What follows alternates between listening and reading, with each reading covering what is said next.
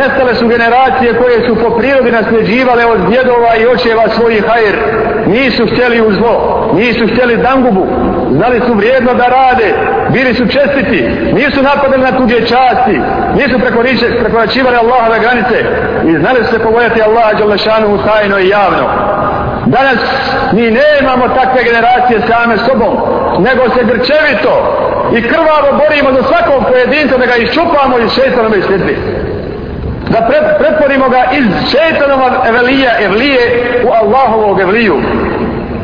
Jer šetanove snage odavna su radile i sav su svijet proharale i u tome su odmakle u stilu i načinu na koji način djeluju na ljude postali su ogoljeni i vulgarni da danas čovjeka čine nečovjekom. Insana čine na insanom najstramnijim i najposljednjim, najzadnijim, najživostinskim porivom koji je u čovjeku koga danju i noću čovjeku plasiraju i prikazivaju da ga zavedu i da od toga naprave jedini njegov životni interes dok živi, dok egzistira i dok diše. To je posljednje što je čuvao prokleti iblis. Allah nas sačuvao i muslimane sve i ljude sve vratio iz njegova okrilja u okrilje milostivog gospodara.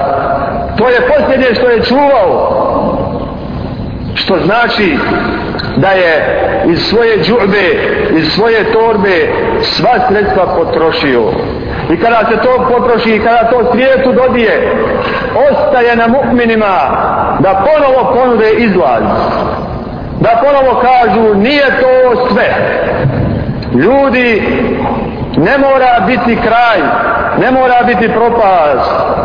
Allahovi ajeti koji su prvi put uputili i preporodili i danas su pred vama i danas ih morate čitati i danas pokušajte prepoznati u njima da li je to istina ili laž da li vam koristi ili šteti da li će vas unaprijediti ili unazaditi. Zato braćo moja dolazim sa nasihatom a Resul sallallahu alaihi wa sallam je kazao dinu nasiha vjera je nasihat. Rekli smo za koga Allahu poslaniće kaže za Allaha za njegovu knjigu i njegova poslanika i za predvodnike i prvake muslimana i za sve muslimane kako prema Allahu Đalešanuhu se odnositi, kako u njega vjerovati, kako mu se pokoravati, vjera te poučava i kazuje. Vjera ti je u tome nasihat. Kako prema knjizi Božjoj, isto tako će ti vjera kazati. Kako prema poslaniku upute, poslaniku milosti, vjera će ti kazat. Kako da se odnosiš prema prvacima i predstavnicima koji su ti na vlasti, koji ti sude i zapovjedaju, koji ti poslije Allaha Đalešanu u sudbinu kroje ovu kratku dunjalučku vjera će ti kazati i kako ćeš prema svakom bratu muslimanu pojedincu u vjeri je uputa i odgovor pošto od vjere moramo početi jer naša vjera Allahu Đalešanu hvala nije krnjava i ne treba niko da u nju dodaje dala je odgovor i dala je smjernice za svaku stvar u životu. To nije manjak, nego je to plus islama nad drugim vjerama.